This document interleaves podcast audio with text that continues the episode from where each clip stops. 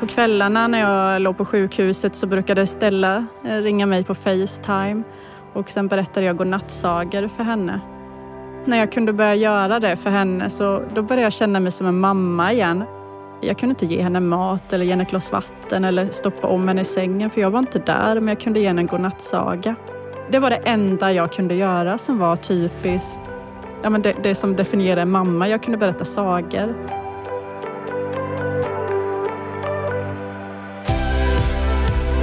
Varmt välkomna ska ni vara till våran podd Vårt benlösa liv. Samtal om livet och sepsis. Mitt namn är Sharzad Kiavars. Och jag heter Elin Rantatalo. Och eh, vad är det vi egentligen har gemensamt? Vi saknar båda underben. Benlösa men inte hopplösa. Exakt så. Nu ska ni få hänga med här in i våran värld.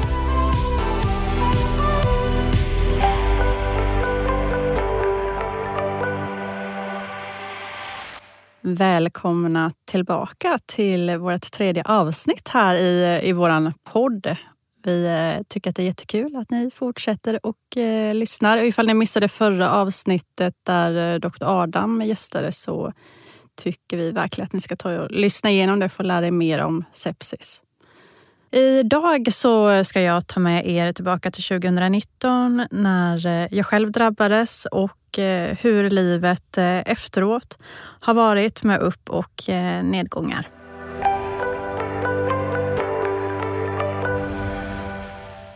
När jag vaknade efter mina veckor i koma och respirator så var det en läkare som sa till mig att jag hade drabbats av critical illness men jag skulle inte oroa mig och jag förstod inte vad det innebar. Och han bara, nej men du, du är tillfälligt förlamad.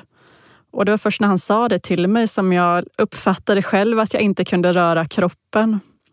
Eh, jag kunde inte ens lyfta huvudet från eh, kudden, vilket var jättejobbigt när mina anhöriga kom på besök och jag hade alldeles för ont för att jag kunde inte sitta upp eller något utan jag låg där jag låg. Fick du hjälp med att vända dig menar du? Var det på den nivån? Att... Ja, jag var, bara, jag var en förlamad person.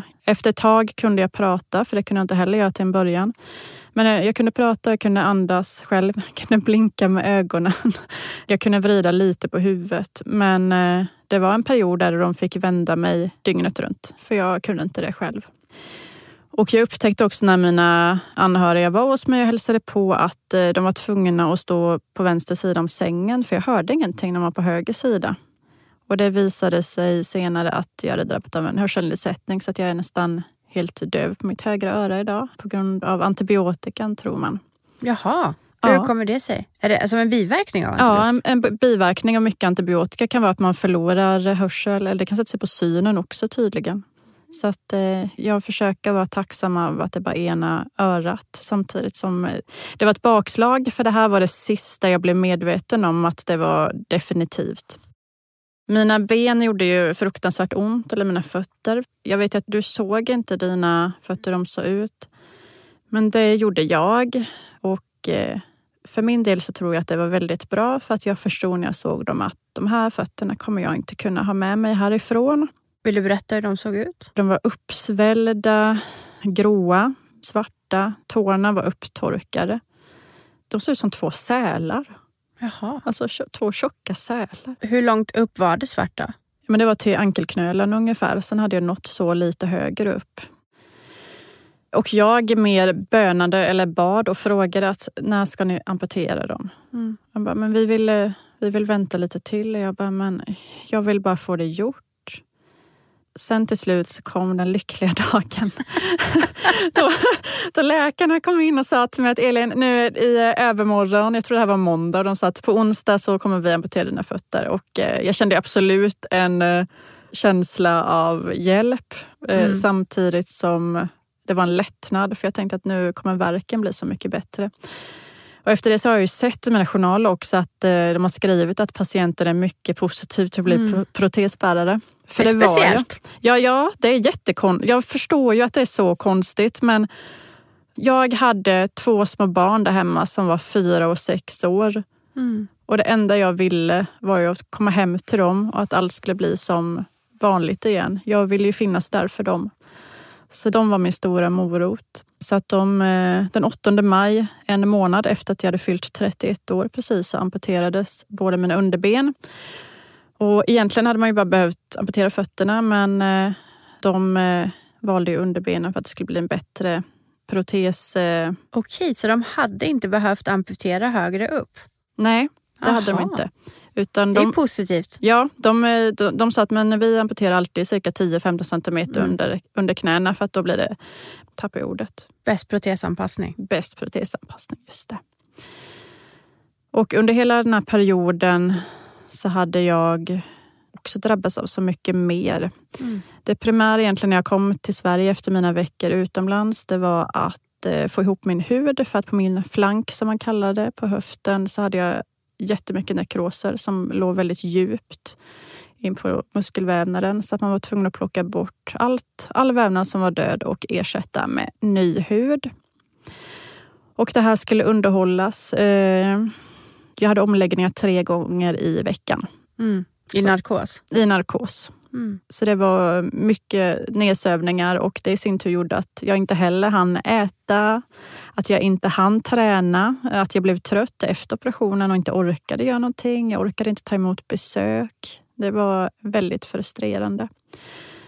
Och samtidigt hade mina fingrar också försvunnit mer eller mindre.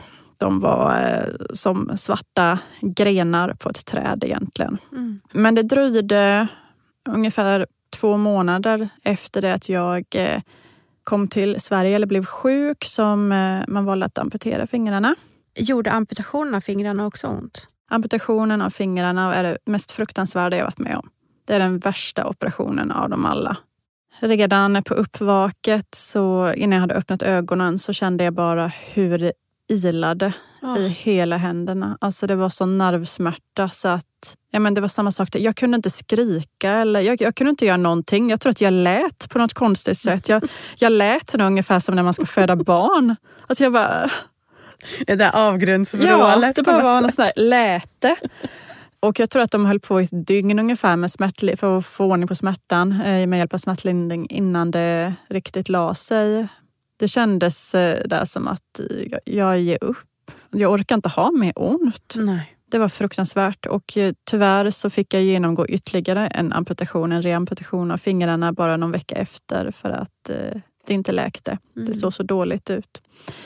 Efter det så tog det tid för mina fingrar att läka också. Det var oerhörda smärtor. Alltså man har ju så mycket känsel i händerna och mm. i fingertopparna. Och de här nervtrådarna de eh, finns ju kvar. Det är bara att de har blivit förkortade. Liksom. Så att, eh, de irrar ju runt i kroppen och vet inte riktigt vart de ska ta vägen. Mm. Och då är det man får de här nervstötarna som uppkommer. Men jag har ju betydligt mer fantomsmärtor i mina fötter än vad jag har i mina fingrar. Det är sällan jag känner något i fingrarna. Mm. Jag tror att det har att göra med att fingrarna eller händerna är så synliga hela tiden. Så att min hjärna har liksom mm, registrerat det. Ja, att det finns verkligen ingen, ingenstans att ta vägen där det är tomt. Medan min hjärna blir lite fundersam på att på nätterna har hon inga fötter, men på dagarna har hon fötter. Hur ska hon ha det? men har du onda fingrar då? Nej, det kan klia lite i dem ibland, men ingen, ingen smärta. Jag var under mer eller mindre intensivvård under april, maj och juni. Och efter mina operationer var färdiga och amputationer så flyttade jag till rehab. Och dit hade jag längtat så mycket. Mm. Eh, jag såg framför mig att eh, jag ska bli den bästa formen jag någonsin har varit. ja. Eh, jag hade verkligen det som syfte att jag, jag ska dit och, liksom och ta dem med storm nu. Jag kände mig så redo mm. att påbörja träningen och att jag var... Jag kände mig så färdig med alla operationer. Jag ville aldrig mer sövas. Jag ville aldrig mer känna hur det kändes att vakna på ett uppvak igen. Jag, men rehab hade ju sommarstängt när jag kom mitt i semestern. Man får inte bli sjuk i juli. Nej, Nej. helt värdelös. Tänk på det. Ja. så att jag hamnar hos ortopeden där jag fått rum och eh, får höra att eh, jag kommer förflyttas till rehab dagtid men jag kommer sova på ortopeden. Men sen ändras det också. Så jag hamnar på onkologen. Nej! Jag hamnar på en avdelning där människor är som sjukast och jag är på väg att ta mig tillbaka efter mitt livs största utmaning och efter att ha varit så nära döden. Och så sitter jag i fikarummet på ortopedmottagningen och dricker hallonsoda tillsammans med cancerpatienter. Varför? Det, fanns inte plats. Jag hade inget eget rum, så jag delade Oj, rum med massa olika människor. Det kunde vara dementa, det kunde vara yngre, det kunde vara äldre. Alla hade råkat ut för olika saker. Vet du att jag tycker att är det någonting, om någon skulle komma till mig och fråga mig vad tycker du vi borde ändra på här i Sverige? Alla borde ha privata rum. Mm. Det här med att behöva dela rum med någon som du inte känner, som själv har sin egen kamp, för ingen är ju på sjukhus för att det är roligt, eller för att de inte hade något bättre för sig. Det är befängt. Mm. Alltså det, jag kände mig så liten. Mm. Där på, hos ortopeden i Jönköping så var allt gammalt, slitet. Det luktade liksom cancer på hela mm. avdelningen. Mm.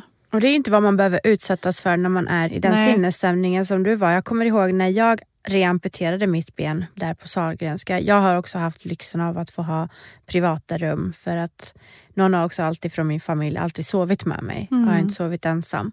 Men då jag reamputerades så var jag, och jag hade såna fruktansvärda smärtor den natten och det var ju stressigt för att då var jag ju så rädd för att smärtorna skulle komma tillbaka och aldrig lämna mig igen. Mm.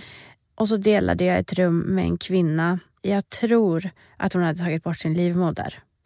Och hon grät och grät och hon gjorde också de här vrålen. Och, du vet, och jag var så inne i min egen sorg. Och så att höra någon annan uthärda den smärtan och den sorgen, det hjälpte inte mig någonting. Nej. Plus att jag fick inte sova. Alltså det är fruktansvärt och eh, det gjorde ju också att jag kände att jag inte kunde ta dit min familj att barnen kunde inte komma och hälsa på mig. Alltså jag, jag, ville inte att någon skulle komma för jag kände att jag vill inte att någon av mina anhöriga ska behöva se det här. Dessutom så kände jag mig så otroligt sårbar. För att där sov jag i ett rum med främmande människor. Olika kunde det vara från natt till natt. Och jag låg där utan ben, hade bara min rullstol. Jag kände mig så mm. fruktansvärt utsatt. Speciellt i början av ens vad ska man säga, amputation så är man ju det tar ju tid att lära sig att känna sin nya kropp och det tar tid att lära sig att förstå situationen och man känner sig egentligen, eller jag gjorde bara det, kände mig bara skör. Ja. För att som sagt, jag kunde inte göra någonting. Nej, alltså jag var ju helt i personalens våld eller vad man ska säga. Jag var tvungen att larma dem när jag skulle kunna flytta mig till rullstolen. Och sen var de ju tvungna att köra mig i rullstolen för att jag hade inte fått styrkan att göra det själv. Nej.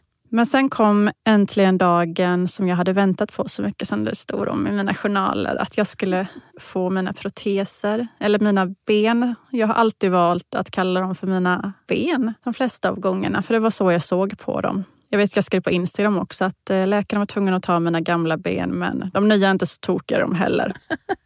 Jag bestämde mig för att jag och benen ska bli allra bästa vänner. Första gången jag skulle prova dem, det var nästan lite högtidligt av något slag för det var så många som ville följa med och se av personalen. så att vi var ett helt gäng i, i rummet och de sa till mig att eh, nu får du ställa dig upp bara och belasta och känna så sätter du dig igen. Och jag tog mig inte upp ifrån britsen. Jag var för svag så att de fick höja, höja britsen så att jag fick en skjuts uppåt. Jag ställde mig, tog tag i gåbordet och så sa du kan sätta ner igen. Då började jag gå. Och de stod nästan med hakorna nere till knäna och bara, nej men du skulle ju inte gå. De var livrädda. Jag sa att men jag måste ju prova så jag vet att de funkar. Att nu vet jag det och jag vet att jag kommer kunna springa en dag. För det var så jag kände. Och jag kunde inte erkänna att det var skitjobbigt och det gjorde jätteont. Ja, för det var precis jag tänkte fråga dig. Hur ont hade du? Det gjorde ont. Det gjorde och hur det. snurrig var du? Det var jag också. Snurrig, värk och fullt av adrenalin. Ja. Alltså det var helt sinnessjukt för att jag kände verkligen att det var det jag behövde. Annars hade jag ju åkt tillbaka till mitt rum och funderat på att mm, undrar ifall jag kan gå eller inte. Så för mig var de där fem stegen otroligt betydelsefulla för min, min fortsättning. Och under min rehabtid så handlade det ju mycket om att eh, belasta benen successivt, lite timme för timme. Var du bra på det? Men det var jag, för att kroppen var tydlig med att säga ifrån. Och allra helst min sjukgymnast Kjell. Han är en riktig så här krutgubbe. Att på något sätt så vågar man inte säga emot honom, men man vill vara lite busig mot han. Man vill reta han lite. Så att vi hade en eh, otrolig relation, jag och Kjell. Shoutout till Kjell. Ja, verkligen. Alltså han, eh, han är otrolig. Och han höll på att reta mig och sa att nej, men det fin jag har haft en, eh, han var nämligen specialist på protesbärare. Han har haft många patienter med just eh, protesen. Så att nej, men jag har, jag har en här som är nummer ett på min lista. Jag ska be han komma hit så du kan se. Han, han var på rehab bara en liten sväng och sen så gick han. Och sen så kom, och sa jag, men ta hit han då så får jag träffa honom. Och så kommer den här mannen, medelålders man. Och vad är det jag ser? Han har ju ett ben. Och jag frågar Kjell att du kan väl inte jämföra mig med den här? Det är fusk. Ja, till slut så blev jag hans nummer ett. Jag kände att jag har mycket där att bevisa. Min rehab var väldigt bra men jag tyckte att jag fick alldeles för lite träning. Mm. Så därför tränade jag mycket på kvällarna också på egen hand. Men du låg inne då? Jag låg inne som eh, dygnet runt patient. Jag hade först en jättetung rullstol och jag fick höra att eh, men vet att ifall du får en för lätt rullstol Elin, då kommer du aldrig komma upp på benen för då kommer du bli bekväm och välja rullstolen framför proteserna. Det var ju ändå trevligt att det var den hållningen de hade, att du ska upp på benen. Ja, men jag tog inte detta bra för att jag kände att det var så långt kvar. Alltså jag fick ju mina proteser sex, sju veckor efter amputationen. Så mm. att jag började gå ganska tidigt. Eh, jag kunde heller inte gå så långt och jag kände en sån otrolig stress över att eh, jag inte kan använda mina proteser eller ben så mycket som jag hade önskat. Jag hade ju börjat vara hemma på helgerna en del hos familjen. Jag hade aldrig någon som sov över hos mig för att min man var tvungen att vara hemma med barnen och mm. så vidare. Så helgerna var värdefulla och jag ville bara att vi skulle kunna leva mer eller mindre ett normalt familjeliv och rullstolen blev ett stort hinder för att jag kunde inte vara självständig med den. Jag ville kunna följa med barnen till lekparken och rulla med dit och eh, leka med dem ute på gatan. Jag ville inte sitta fast i en rullstol som hela tiden stod stilla.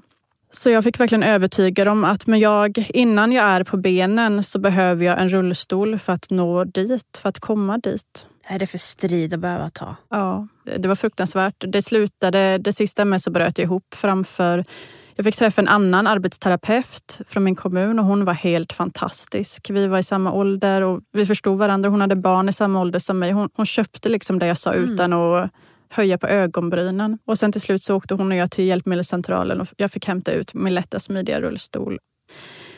När jag var eh, på sjukhuset under veckan och gjorde min rehab kunde jag börja träna mer med hjälp av rullstolen. Så på kvällarna så körde jag runt i kulvertarna under sjukhuset för att träna kondition. Kulvertarna. Ja. Alla höll på att varna mig för att det var spöken där nere. Men jag tänkte att det finns ingen här som är läskigare än vad jag är. En, en kvinna som åker omkring utan fingrar och eh, underben i korridoren. Jag, jag, är inte rädd för något tänkte jag efter det jag har gått igenom. Så spöken det skrämde inte mig. Kanske skrämde jag en och annan. Kanske. fort gick det emellanåt. Ja, det gjorde det. Ja. Det gick fort i de där kulvertarna. Ja. Men rull, den, rullstolen hjälpte mig att eh, få mer uthållighet och bli starkare och bli friare och få kontrollen igen över mitt liv. Och eh, möjligheten att eh, vara mer som en mamma, för det var verkligen något jag längtade efter. Jag ville ju bara hem och göra alla de där vardagliga grejerna. Kan vi dröja vid det? Vad sa du att dina barn var? Fyra och sex? Ja. När det här hände. Kunde du hantera dem när du satt i rullstolen utan ben? Ja, det kunde jag. jag, jag, tänker mig själv, för nu har jag barn i samma ålder och om ja. jag skulle sitta i rullstol. Jag, jag menar inte att de skulle springa ifrån mig och sånt men det är ju, det är ju en annan utmaning. Mm. Ja, men jag tror att Stella och Cornelis, som de heter, de kände av läget. Jag hade varit borta så länge från dem och de hade varit utan mig och de ville inte lämna mig en millimeter. De var mer eller mindre fastklistrade med mig och de var så roliga för de ville visa mig hela världen kändes det som. För när man är liten, jag, jag var borta i två månader innan jag var hemma första gången, bara en snabb sväng då. Och för barn så är det ju en evighet. Ja. Så det kändes som att de hade så mycket de ville visa mig och de var så nära och de lämnade aldrig min sida.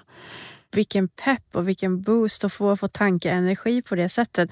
För jag tänker att det hade ju lika gärna kunnat vara tvärtom. Mm, ja. Alltså att de hade tyckt att du ser annorlunda ut eller att... De hade tagit avstånd de hade från tagit, mig. För du har varit borta så länge. Ja, och det var jag jätterädd för. Medan jag mer eller mindre intensivvårdades och de gångerna de hälsade på, då fick jag ju sån ångest när min man och barnen kom in till mig i rummet. För jag kände verkligen att det var de nu. De är en familj och jag är inte mm. med dem längre. Och de hade på sig kläder som inte jag hade köpt till dem. De hade på sig kläder som deras farmor hade köpt. Och det var en sån sak som... Alltså jag har gråtit så mycket efteråt på grund av att de inte hade på sig kläderna som jag hade köpt till dem. Men jag kan förstå det. Det gick till och med så långt så att när jag väl hade blivit, ifall man spolar fram bandet lite och jag väl hade kommit hem, blivit piggare och allting så tog jag fram en kasse och slängde, eller skänkte. Jag plockade bort alla kläder som jag inte hade köpt till dem. och det är inget ont emot min Nej, svärmor utan för mig så symboliserade det liksom att de på något sätt har gått vidare utan mig, att jag inte var betydelsefull för dem längre. Men så var ju inte fallet. Nej, Men där, där jag inte. låg orörlig i, i sjukhussängen så kände jag mig utstängd ifrån min, min närmsta familj, min man och mina barn. Som att jag inte spelade någon roll längre. Men det var ju skönt att få komma hem och, och få den bekräftelsen att du var ju precis lika viktig. Verkligen. Och jag vet att jag sa det i någon intervju jag gjorde att utan familjen så hade jag inte levt idag. Alltså jag hade ju det här starka drivet av att komma hem igen var ju på grund av mina barn. Ifall jag hade levt helt ensam, inte haft barnen, inte haft min man, då kanske min fortsättning efter sepsis hade sett helt annorlunda ut. Det är ingenting jag kan säga om. Men jag är ändå ganska övertygad om att det är mina barn som har drivit mig vidare. Jag behöver dem och de behöver mig. På kvällarna när jag låg på sjukhuset så brukade Stella eh, ringa mig på Facetime och sen berättade jag godnattsagor för henne. Åh gud vad fint. Ja, när jag kunde börja göra det för henne så då började jag känna mig som en mamma igen. Det, det var det enda jag kunde göra som var typiskt ja, men det, det som definierar en mamma. Jag kunde berätta sagor. Jag kunde inte ge henne mat eller ge henne ett glas vatten eller stoppa om henne i sängen för jag var inte där. Men jag kunde ge henne en godnattsaga. Och det men blev... tänk så värdefullt att ändå kunna göra det. För jag kan ju inte sätta mig i barnens situation men jag kan ju tänka mig hur det hade varit för mig att se mina barn ha ett eget liv där jag inte är inkluderad eller att någon annan köper deras kläder för dem. För mig känns det helt otänkbart. Mm. Ja, och det gjorde det för mig med. Men samtidigt, vad skulle jag göra om jag inte hade... Du hade ju inget annat val. Nej, nej det hade jag verkligen inte. Men jag var glad jag blir av att de ville ha dig så mycket på mm. något sätt. För ibland som mamma kan jag känna att ibland när jag är borta och åker iväg så på jobb, då är det som att då blir jag först lite förnärmad när jag ringer på Facetime och ser att de har kul med sin pappa. Han är ju en jättebra pappa. Jag är jätteglad att de ja. har kul med honom. Men jag då? Varför är det ingen som saknar mig? Ja. Och sen alltid när jag kommer hem så möts jag lite av en kyla av mina barn. Som att de är arga på mig för att jag har varit borta. Mm. Och de vill typ ge igen. och sen måste jag gå efter mamma älskar, mamma vill vara med dig. Och då kommer de liksom tillbaka till mig. Så vad fint ändå att få det här Ja, men den bekräftelsen Och den närheten ju som man är så van vid och som man verkligen kräver och behöver som mamma. Ja, men den är så himla läkande. Man kan bara ta som igår. Nu är det väldigt sällan, men igår var jag tvungen att plocka fram rullstolen för att jag hade fått ett sår på benet. Och helt plötsligt så var det som att jag fick två nya barn. Det var inget bråk. De var väldigt hjälpsamma. De plockade bort frukosten, de fixade disken. Även ifall min man också var hemma. Helt plötsligt började de hjälpa till och de skulle köra runt mig och jag bara kände att den här rullstolen den borde användas mer. Ja, precis. Borde dra fram den som så, leverage när de ja, inte beter exakt, sig. Så varje gång jag känner att jag vill ha lite extra omtanke och tycker synd om mig, då kommer rullstolen åka fram.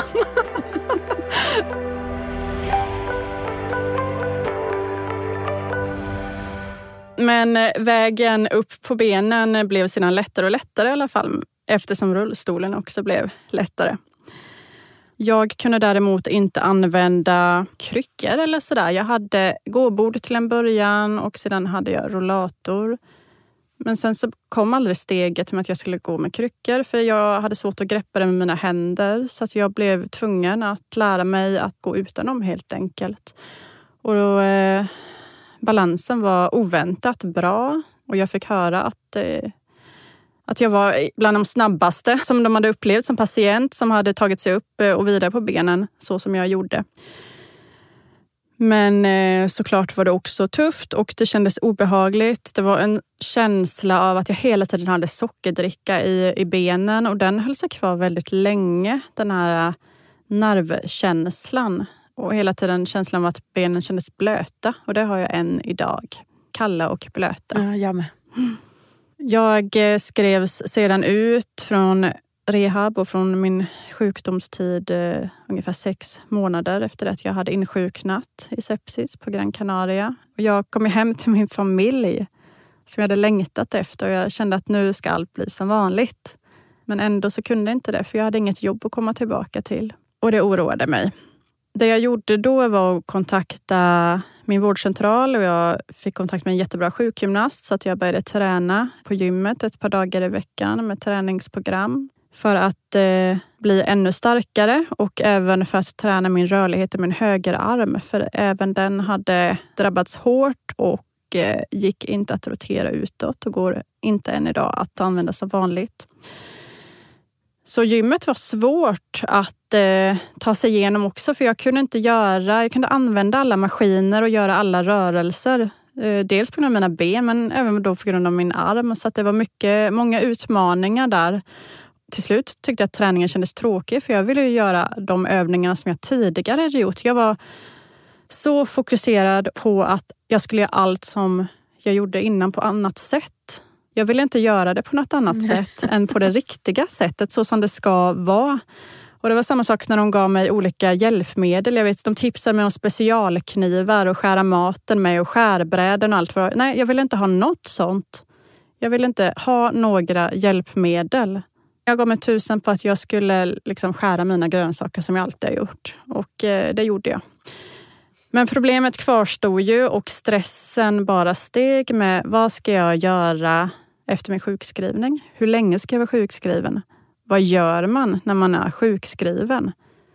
Ja, man har en massa kontakt med Försäkringskassan hela tiden och någon frågar ut den. Det var dock aldrig någon som frågade mig när jag skulle börja jobba. Men de pratade om arbetsträning. Pratade de om förtidspensionering? Nej, det gjorde de inte. Men arbetsträning. Och det var det fulaste ordet jag någonsin har hört.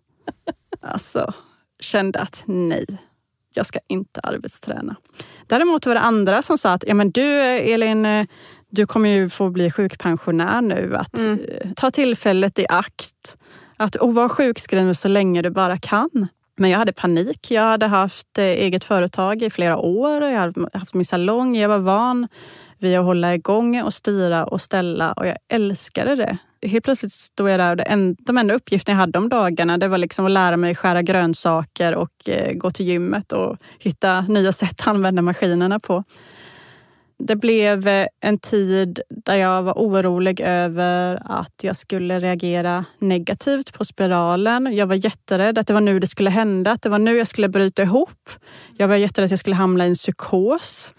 Jag tänkte att tänk ifall jag bara vaknar imorgon och känner att jag vill ta livet av mig. Jag var rädd att jag inte kunde lita på mitt egna psyke. Jag kände mig orolig över att jag inte visste hur nästa dag skulle se ut. Var det för att du inte hade något att göra och hade för mycket tid att tänka? Ja, och det fanns inga planer för mig. Jag, jag hade en vecka framåt där jag visste vilka dagar jag skulle gå till gymmet. Jag visste inte vad som skulle hända om en månad, om tre månader eller nästa år. Jag visste inte hur länge jag skulle få vara sjukskriven eller, in, eller om jag skulle få ett jobb eller ifall jag skulle bli tvungen att arbetsträna som jag verkligen inte ville. För Jag kunde inte tänka mig att någon annan ska placera ut mig på en arbetsplats där jag själv inte vill vara. För jag hade blivit så medveten efter min sepsis att jag måste göra det som känns meningsfullt och det som jag vill göra. Jag kan inte låta Försäkringskassan ta det beslutet Nej. efter det jag gått igenom.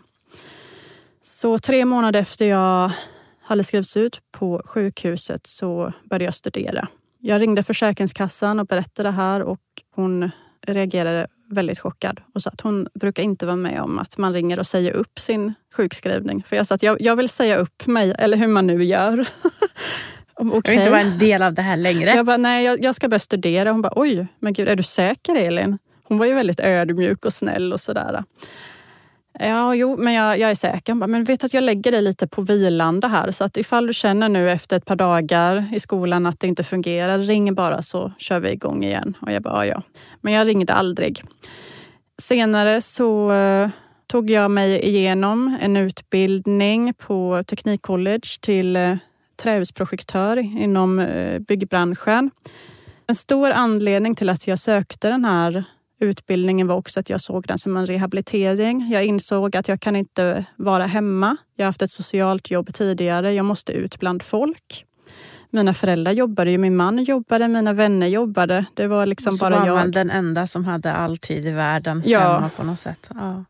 Och jag trivs inte med det. Jag kände Nej. att eh, för mitt välbefinnande så måste jag bli en del av ett sammanhang och jag måste känna att eh, jag gör något vettigt att jag faktiskt kan visa människor att jag fortfarande duger. För det var så jag kände. Mm. Jag ville inte se mig som en person som drabbades av detta, blev av med benen och fingrarna och sedan blev sjukpensionär. Jag kunde inte se mig. Nej. Så att komma ut bland folk och börja studera, det blev en väldigt bra rehabilitering för mig. Där jag fick träffa folk och jag var i ett normalt sammanhang där det inte var fokus på sjukdomar och hjälpmedel och amputationer och allt. Jag fick, eh, jag fick en helt annan distans till det jag hade varit med om. Ja, man fick bara ha ett vanligt liv. Ja. Det, är så, det är så underligt att allt det där vardagliga, tråkiga, tradiga som exakt det man vill ha jag kände mig bara så normal. Ja, jag ville bara gå i affären och typ klämma på tomater. Ja. Och bara liksom göra det som innan bara kändes jobbigt och tråkigt. Ja men exakt. Så eh, till slut så slutförde jag eh, min examen och klarade av den utbildningen och det var en otrolig vinst för mig att jag hade tagit mig igenom det. Dels på grund av det jag hade drabbats av, att det var bara två år senare stod nyutbildad och att jag hade klarat all matte. Det är beräkningar på balkar och vindlaster och eh, gud vet allt. Så det var jag väldigt stolt över, att jag kunde PQ-formeln och allt sånt där. Att, ja. Och jag, ja. Det är något att vara stolt över. Ja, men det är det. Nu har jag nog glömt allting. För det blev aldrig så att jag började jobba med det. Jag kom ut mitt i rådande pandemin. Jag eh, hade varit ute på praktik. Och under praktiken så kunde jag samtidigt känna att jag inte var redo för ett arbete där jag skulle sitta på ett kontor måndag till fredag med stämpelklocka. Jag fick lite panikkänslor av det och insåg att jag är inte där i livet där jag vill eh, låsa upp mig på något sådant. Och jag kände mig ändå nöjd och tillfreds med att jag hade klarat utbildningen. Sen blev det egentligen bara av rena tillfälligheter att jag eh, en tid efter jag blivit sjuk började dela med mig om vad som hade hänt mig på sociala medier. En stor del till varför jag började med det, det var för att hålla kontakten med dem där hemma. För att inte jag skulle behöva prata så mycket i telefon. Utan jag tänkte att det är ett enkelt medel att kommunicera på, på smidigt sätt. Så, då, så du la upp bilder på dig själv typ när du tränade och sånt? Ja. Aha. Jag berättade Smart. lite om mina framgångar och, eller hur det gick och familjen peppade mig och mina vänner och sådär. Sen så började mitt eh, Instagramkonto växa och eh, till slut så började jag få såna här samarbetsförfrågningar och jag stod där och velade och tänkte att ska jag hoppa på något som känns väldigt svajigt eller ska jag fortsätta att söka mig till en trygg arbetsplats där jag vet vad jag kan förvänta mig? Och tankarna gick runt och runt och runt. Men jag slutade med att bara tänka på känslan. Vad jag ville göra här och nu. Och då och nu så var det det jag ville. Jag ville satsa på mina sociala medier så att jag gjorde det. Och de växte och jag började blogga för tidningen Femina senare när alla media hörde av sig. Jag blev mer och mer synlig, vilket var väldigt skrämmande för jag har aldrig varit en person som trivs med att synas. Eh, jag har aldrig krävt uppmärksamhet av någon annan. Och plötsligt så stod jag där eh, med en massa följare som såg mig. Men jag kände också att det jag gjorde hade ett, eh, ett syfte. Att jag visste att ifall jag kan få förmedla och berätta om det jag har varit med om, då förstår kanske många också att livet behöver inte vara slut bara för att det värsta händer. Jag ville inte vara en sorglig historia. Jag ville ta mig ut ur detta som en överlevare. Och genom att använda sociala medierna så fick jag visa att jag trots att jag inte hade ben eller knappt några fingrar så kunde jag vara mamma, jag kunde vara fru, eh, jag lagade mat, jag skjutsade barnen till skolan. Alltså jag levde ett, det man kallar för ett normalt familjeliv. Nej, men det gör det. Det tycker jag verkligen mm. kommer fram på dina sociala medier. Att det gör du. Vad det är skönt. alltid roligt att titta när du hackar något. det är alltid fascinerande. Och du blir bättre och bättre på det. Ja, men det, det... Jag kommer ihåg jag såg någon video när du eh, var jordgubbar. Mm. Det, var, det såg svårt ut. Ja. Men nu gör du det liksom så ja, snyggt och så, så har du slängt ihop någon sån här asiatisk biff. Jag bara, ha, vad ska jag laga då? Till en början så var jag tvungen att tänka så mycket när jag lagade mat. Alltså jag var tvungen att tänka, vad har jag händerna, vad har jag fingrarna, vad har jag inte fingrarna? Men nu går det ut av bara farten för nu har jag lärt känna min kropp. Liksom. Och jag gillar ju verkligen matlagning. Nej, och jag har eh, lovade mig själv i, i det skedet som jag började bli allt mer, allt mer synlig att jag skulle vara bara som jag är. Att, jag, att det inte skulle vara för uppstyrt. Jag hörde av kollegor i branschen som gjorde liksom scheman på exakt hur de skulle lägga ut dag för dag för dag för dag. Medan jag kände att då kommer jag känna att inte det här är roligt längre. Att jag eh, kanske inte alls vill berätta om hur härligt det är att springa när jag egentligen den dagen har jätteont i mina ben. Och jag har också varit väldigt noga med vad jag inte vill dela med mig av på det viset. Även ifall många säger att jag är så öppen och berättar så mycket så är det ju givetvis mycket som jag inte alls är eh, intresserad av att typ prata om eller, eller ta upp.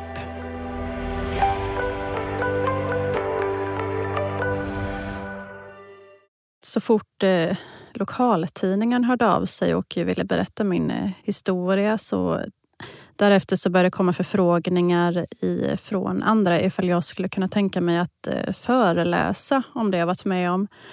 Men det var helt otänkbart för mig. För jag hade själv inte riktigt förstått än vad det var jag egentligen hade varit med om. Trots att det nu hade gått två år så hade jag inte hunnit smälta allting. Men däremot så tänkte jag ett otroligt tidigt skede redan på sjukhuset att jag vill berätta om det som har hänt mig för att den här historien får inte bara gå till spillo. Så jag började skriva min bok ungefär tre och ett halvt år efter det att jag blev sjuk. Det var då jag kände att jag är redo att sätta ord på min historia och det jag har gått igenom. Jag har gråtit mig igenom boken. Jag har nästan fått eh, fuktskador på tangentbordet. jag har hämtat barnen i skolan med rödgråtna ögon i mjukiskläder och jag har ifrågasatt mig själv varför jag gör detta. Det kändes nästan självdestruktivt ett tag. Att jag skulle tvinga mig själv att eh, återkomma till 2019 för på ett sätt är det någonting som man, eh, man bara vill glömma men inser att det kommer aldrig gå att glömma det jag har gått igenom. Efter boken eh, var skriven sen så blev det också mycket lättare för mig att prata om det. Till synes har jag varit öppen i media, varit med i intervjuer, i tidningar och magasin. Men där får man bara med en liten bråkdel utav det som har hänt. Och jag har upplevt att det är väldigt svårt att låta någon annan skriva och uppleva min historia genom deras bokstäver. Så att i boken så har jag verkligen kunnat sätta ord på mina känslor och mina upplevelser, hur det var jag kände utan att eh, ha varit beroende av någon annan. Och när väl de sista sidorna var klara så kände jag en stor lättnad det var bara så skönt att den fanns där, hela historien. Och det var som att jag verkligen skulle kunna gå vidare på riktigt. Även ifall jag verkligen gick vidare i väldigt tidigt skede så var det nu som jag hade blivit vän med alla känslor och att jag nu kunde börja prata mer om det. Men jag tänker, har du varit helt transparent i boken? Ja. Ja, jag, jag, kan nog vara lite så orolig att jag är för mm. eh, att jag är för personlig. Fanns det någon, någon tvekan om att skriva den?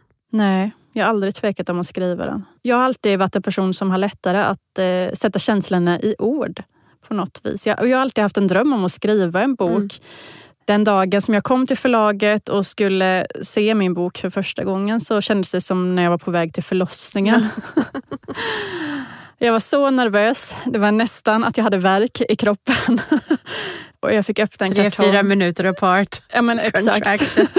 ja, nästan lite så. Och jag kommer upp till förlaget eh, och på det stora bordet inne på kontoret så ligger en kartong och där i ligger det värsta otänkbara jag någonsin har varit med om i, i ord. Massor av ord som jag själv har knappat ner på mitt tangentbord med mina små fingrar. Din bebis? Min bebis var född. Ja. Den var där och det var otroligt känslomässigt och eh, jag kände mig både stark och svag och allt som man kan känna.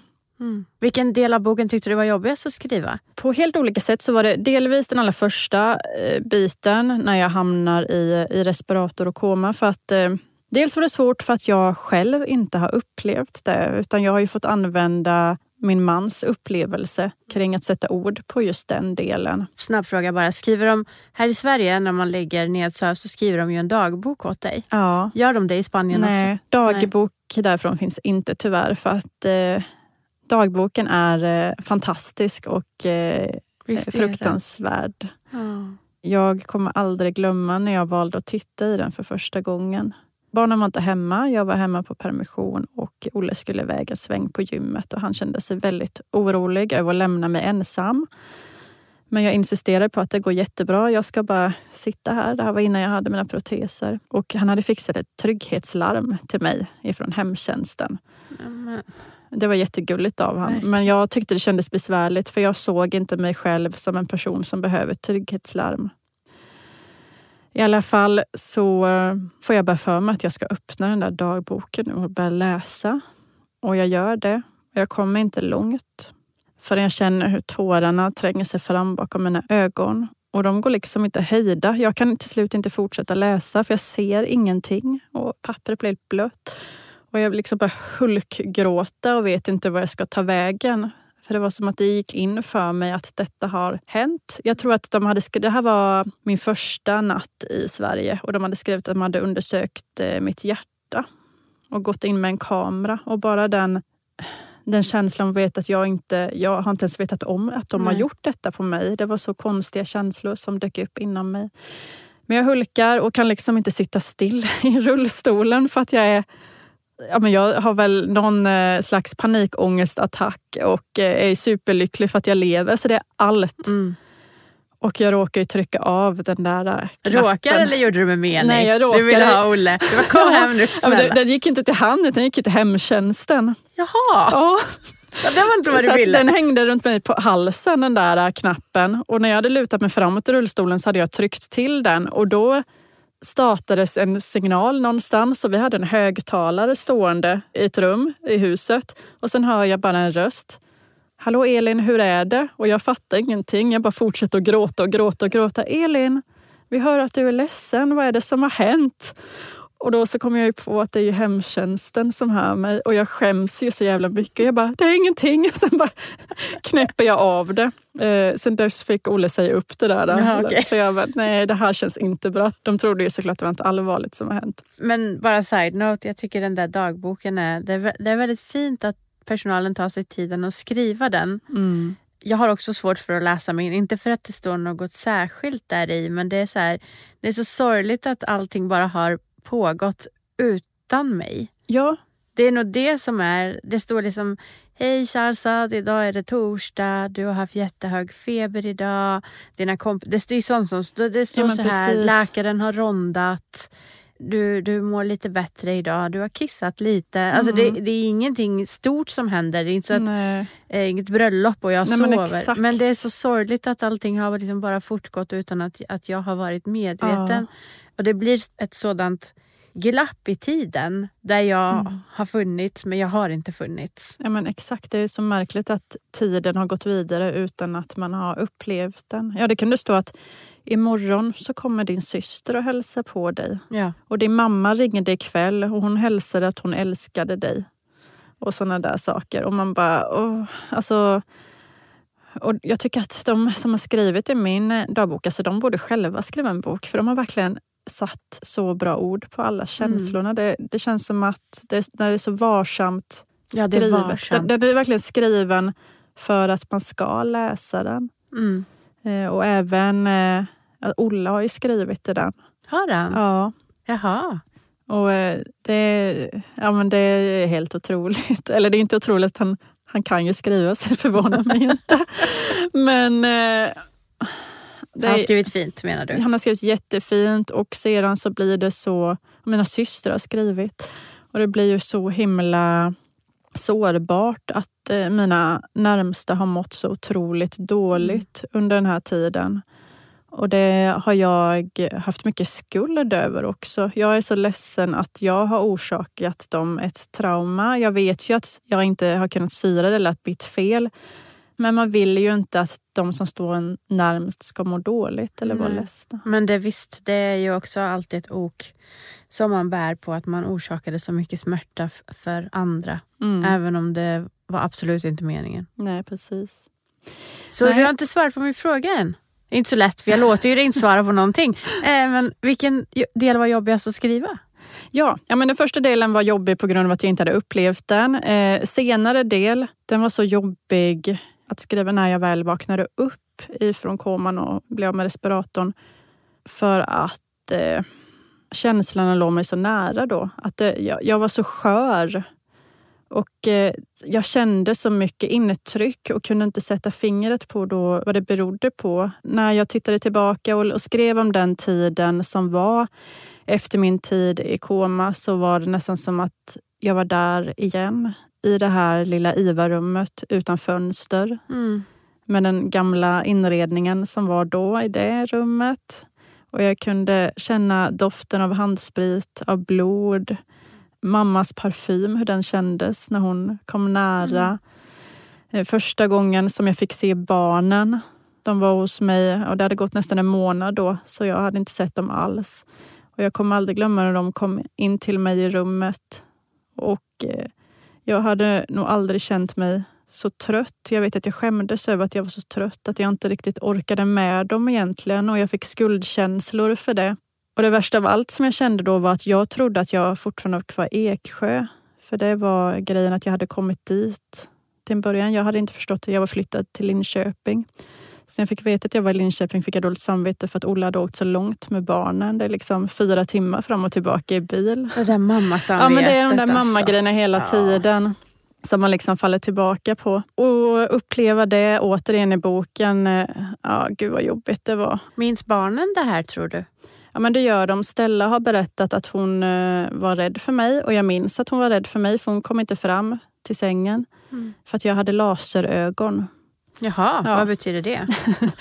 jag, eh, på grund av trycket som har varit i kroppen så hade blodkärlen sprängts i ögonen så att de var helt röda. Så hon tyckte att det var jätteläskigt. Det var liksom det som var det värsta. Inte att jag låg i det här rummet med slangar och, Nej, och, och grejer. Pi utan att, som piper. Ja, ja, det var liksom inte mammas ögon som var där. Så det var så hon reagerade. Medan Cornelis som var fyra år, han eh, vet jag kom, kom fram till mig ganska snabbt och klappade mig på armen. Och jag gjorde bara allt för att hålla tillbaka. För att eh, jag, jag ville inte bryta ihop eller börja gråta utan jag sa att vad roligt att ni är här och hoppas jag att jag får tänka, komma hem snart. Jag kan tänka den stressen när, när dörren öppnas. Jag, kan inte, jag hade ju inga barn när det här hände mig men jag kommer ihåg när jag träffade min lillebror mm. efter att jag hade blivit amputerad och vi berättade för honom han hade tentaperiod så vi, berättade, vi väntade tills tentaperioden var över. Men när han fick veta att jag amputerat benen så kom han ju på en gång. Och när han skulle komma in, jag visste ju att han skulle komma och jag var varse.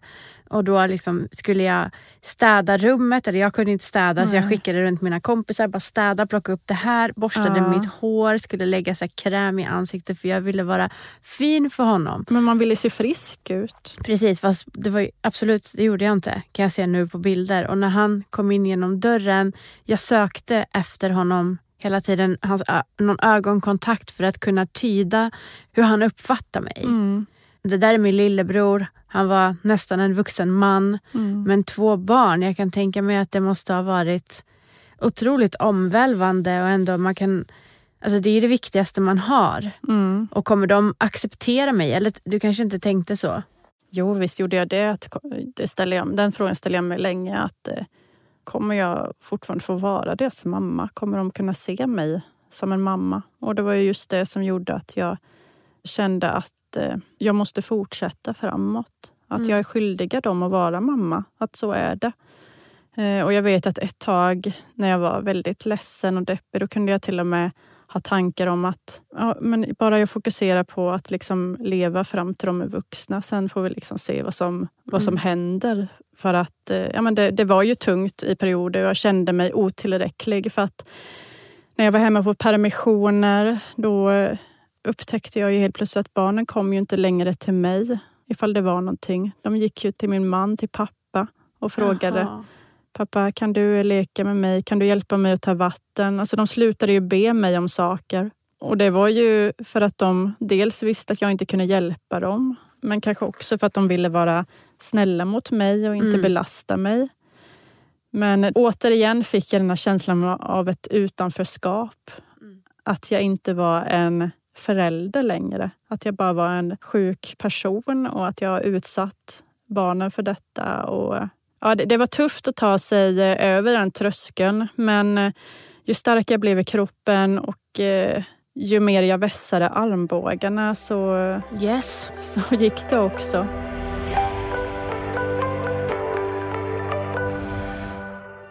Jag fick frågan många gånger ifrån andra att jaha, vad ska du börja med för idrott nu då? för att det är lite som, ja, men det, det, är nästan lite som en sån här grej att eh, det är många som eh, påbörjar någon ny idrott, kanske efter de har varit med om någonting eller de har drabbats av en funktionsnedsättning eller annat. Att man ser som...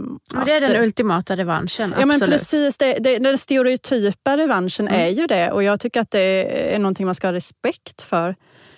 Jag insåg ju att i min mammaroll som förälder och allt så fanns det inget utrymme för mig att börja elitidrotta. Det, det, skulle inte gå att få ihop den ekvationen även ifall jag ibland kunde fundera på ifall det skulle vara rätt väg för mig.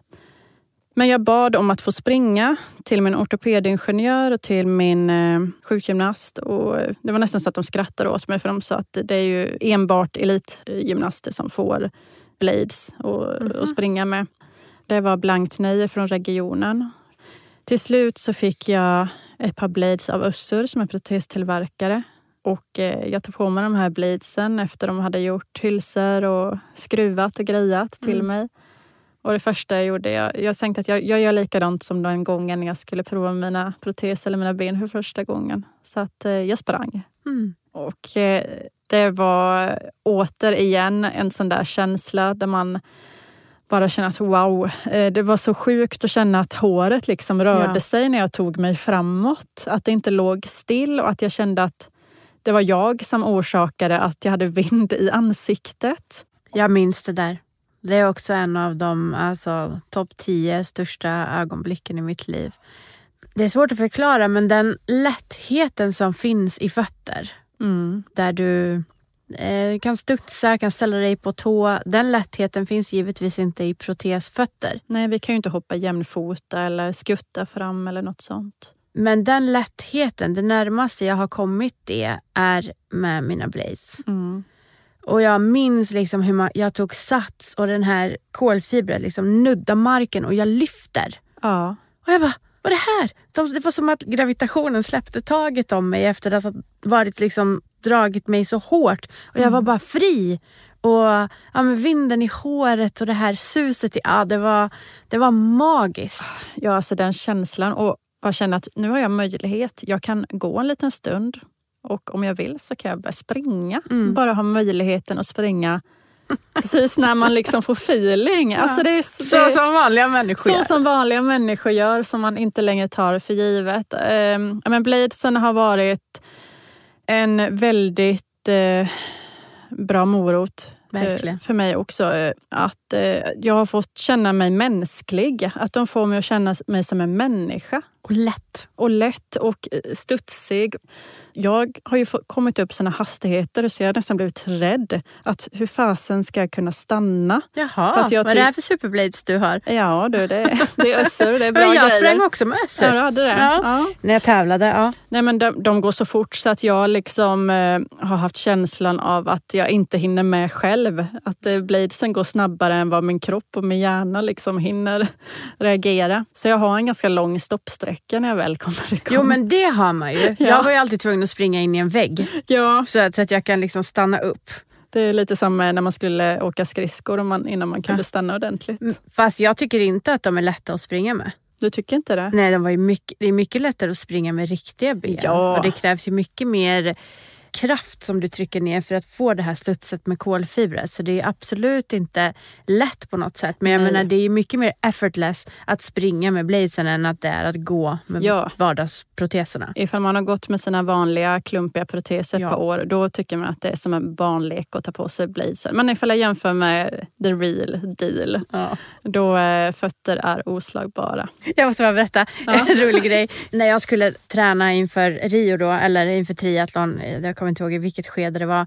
Då hade jag ju mina löparproteser på tal om att man inte kan stanna. Och alltid när jag sprang i parken och så här, när jag sprang själv, då stannade folk upp och fotade mig och sånt. Det tyckte jag var, det var lite jobbigt. Och du är så här, ja, man känner sig som en cirkus. Jag ja. tycker det, på det viset tycker jag det är svårt att springa. Ja. Och att just det här liksom att man har andan i halsen, man försöker hålla ett tempo, du tittar på din klocka och så ser du att någon följer dig och filmar. Vad gör ja, du? Nej. Så då bestämde jag mig för att jag ska springa i gymmet istället. Ja. På löpband och det är jättebra för där kan du ställa in hastigheten. Men man kan inte stanna. Nej. En vanlig människa hoppar ju liksom av från, det finns ju två, vad ska man säga som... Ja men de där sidogrejerna. Ja, sidogrejerna liksom. och så står man där. Och det skulle jag göra men ja. benen hängde inte med. Jag flög rakt in i väggen oh. och blazen låg liksom så här och jag låg upp och ner och rullbandet körde på i otroligt snabb hastighet. Så det är bättre att springa ute och ha en lång stoppsträcka. Ja, för jag har inte vågat prova löpande av den anledningen jag har tänkt att eh, undra hur jag ska kunna stanna. och de är ganska farliga för man blir så lång med dem och så är det som att det kan ju få den i huvudet. Alltså allt kan ju hända egentligen. Ja, för att man eh, måste ju ställa Eftersom man helt plötsligt blir ja, men upp mot en decimeter längre så eh, måste ju hela hjärnan och balansen och allt ställa om när man byter ben. Ja, de, de, ska användas alltså... under försiktighet, blades. Verkligen. Don't uh, drink and blade. Exakt. Som vi brukar säga. Nej men Össur var schyssta på det sättet. De gav ju mig eh, mina proteser också. Mm. Det är ju verkligen, den rättigheten ska man ha. Ja, men jag känner också det, särskilt när man vill. Alltså när viljan finns så ser jag inte några problem med det. Men de här bladesen, eh, som du säger, så blir man ju väldigt synlig när man har dem. Och eh, till slut så hörde Stadium av sig till mig och eh, skulle spela in en reklamfilm. Sen eh, vi filmar och fotar och grejar och det är jättekul. Samtidigt som jag var lite sådär osäker. För jag, sa att jag, alltså jag ser ju inte mig själv som en sportprofil eller träningsprofil. Men de sa att vi vet, Elin, vi har sett på sociala medier och vi vill lyfta vardagsmotionärerna. Och det var väl också det som gjorde att jag nappade på det för att jag ville visa regionerna lite att de här sportproteserna som de kallar det passar även vardagsmotionärerna. Sedan fick jag veta, jag hade inte tagit reda på så mycket fakta, att den här eh, filmen skulle visas på tv, på TV4 och TV3 och vad det nu var. Den skulle sitta i butikerna och rulla där, både i stillbild och rörligt material. De satt även i tunnelbanan? Ja. ja Bilden på dig? Ja, mm. alltså efter valet som var 2022 så skulle jag upp i tunnelbanorna. Det var badass. Men det måste ha varit stort. Det är ju en big deal. Ja, men eh, jag, jag blev ju väldigt nervös över hur det här ska tas emot. När man eh, synliggör mina funktionsnedsättningar så pass som de gjorde. Det fanns ju ingenting att dölja på det utan det var ju Alltså det var ju tydligt att den här kvinnan saknar ben och saknar fingrar och springer. Men jag fick otroligt bra respons kring detta. Det var många som hörde av sig till mig som har olika typer av funktionshinder och funktionsnedsättningar och, eh, och berättade för mig att eh, jag har inspirerat dem till att komma igång med träningen och att de har börjat må bättre. Och eh, jag har ju aldrig haft några modelldrömmar på det viset men eh, nu när jag har ett syfte och ett budskap med det jag gör så tycker jag att det känns otroligt att vi har kommit så långt att flera olika typer av människor faktiskt får synas och att man normaliserar det. För det är det jag, eh, jag önskar. Jag eh, insåg ju att eh, det handlar inte bara om att jag själv måste acceptera mig och hur jag ser ut. Jag måste ju också få andra att förstå att livet eh, faktiskt går vidare och kan bli bra ändå. Och när jag hade fått ihop alla de här delarna i mitt liv med det var eh, blades och träning och det var barn och böcker och stadium och allt. Så det var först då som jag kände att nu, nu kan jag börja tacka ja till de där föreläsningarna. Att nu känner jag att eh, jag vill fortsätta och att jag eh, vill berätta för människor om, om min historia och det jag har gått igenom. För jag såg att det fanns ett eh, intresse. Så idag eh, har jag min bok skriven, jag jobbar med sociala medier och eh, jag har börjat föreläsa. Och nu Snyggt. sitter jag ju även och poddar ja. med dig Shazad. Ja. ja. Det blir inte som man har tänkt sig, men kan bli riktigt, riktigt bra ändå.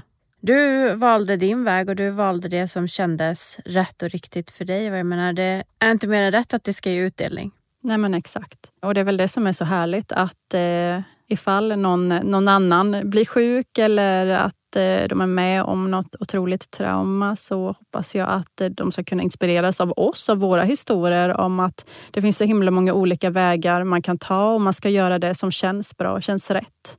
Man kan eh, få igen så himla mycket bra och positiv energi av det. Verkligen. Och det finns ju som sagt ingen rätt eller fel väg jag kan känna att det som jag är mest jag är glad över mycket i mitt liv, men det jag är mest glad över är att det bara, allting bara funkar. Mm. Och det, det tycker jag är stort nog. Ja men det är ju de här små sakerna som gör det. Jag, jag försöker påminna mig själv nästan varje dag om att jag är så glad att eh, jag kunde gå idag. Mm. Att jag kunde laga min mat, att jag kunde vända mig själv i sängen. alltså, ibland får man verkligen påminna sig själv. Sen så upplever jag ibland att folk tror att man inte har de här äh, vanliga bekymren. Att man faktiskt kan må dåligt av att man har en dålig hårdag eller att man fått en finne eller att man inte har någonting att ha på sig. Att man åldras. Alltså allt det där förekommer ju ändå trots det man lever med och gått igenom. så kan ni lägga det här på så vi också har. Jo, ja, nej, skämt åsido, jag håller med. Jag tycker fortfarande att de här vardagsproblemen är ja, de finns där och de tar den plats de tar. Ja, oavsett eh, trauma det man har gått igenom så är de ju där. Det, det försvinner bara inte. Bara för att man får nya problem så försvinner inte de gamla det problemen. Det hopas bara. Ja, det blir bara fler och fler. Tack Elin. Det har varit omtumlande att få följa din resa. Ja, vad är det man säger? Varje resa har sitt slut och det här var väl slutet på det här poddavsnittet.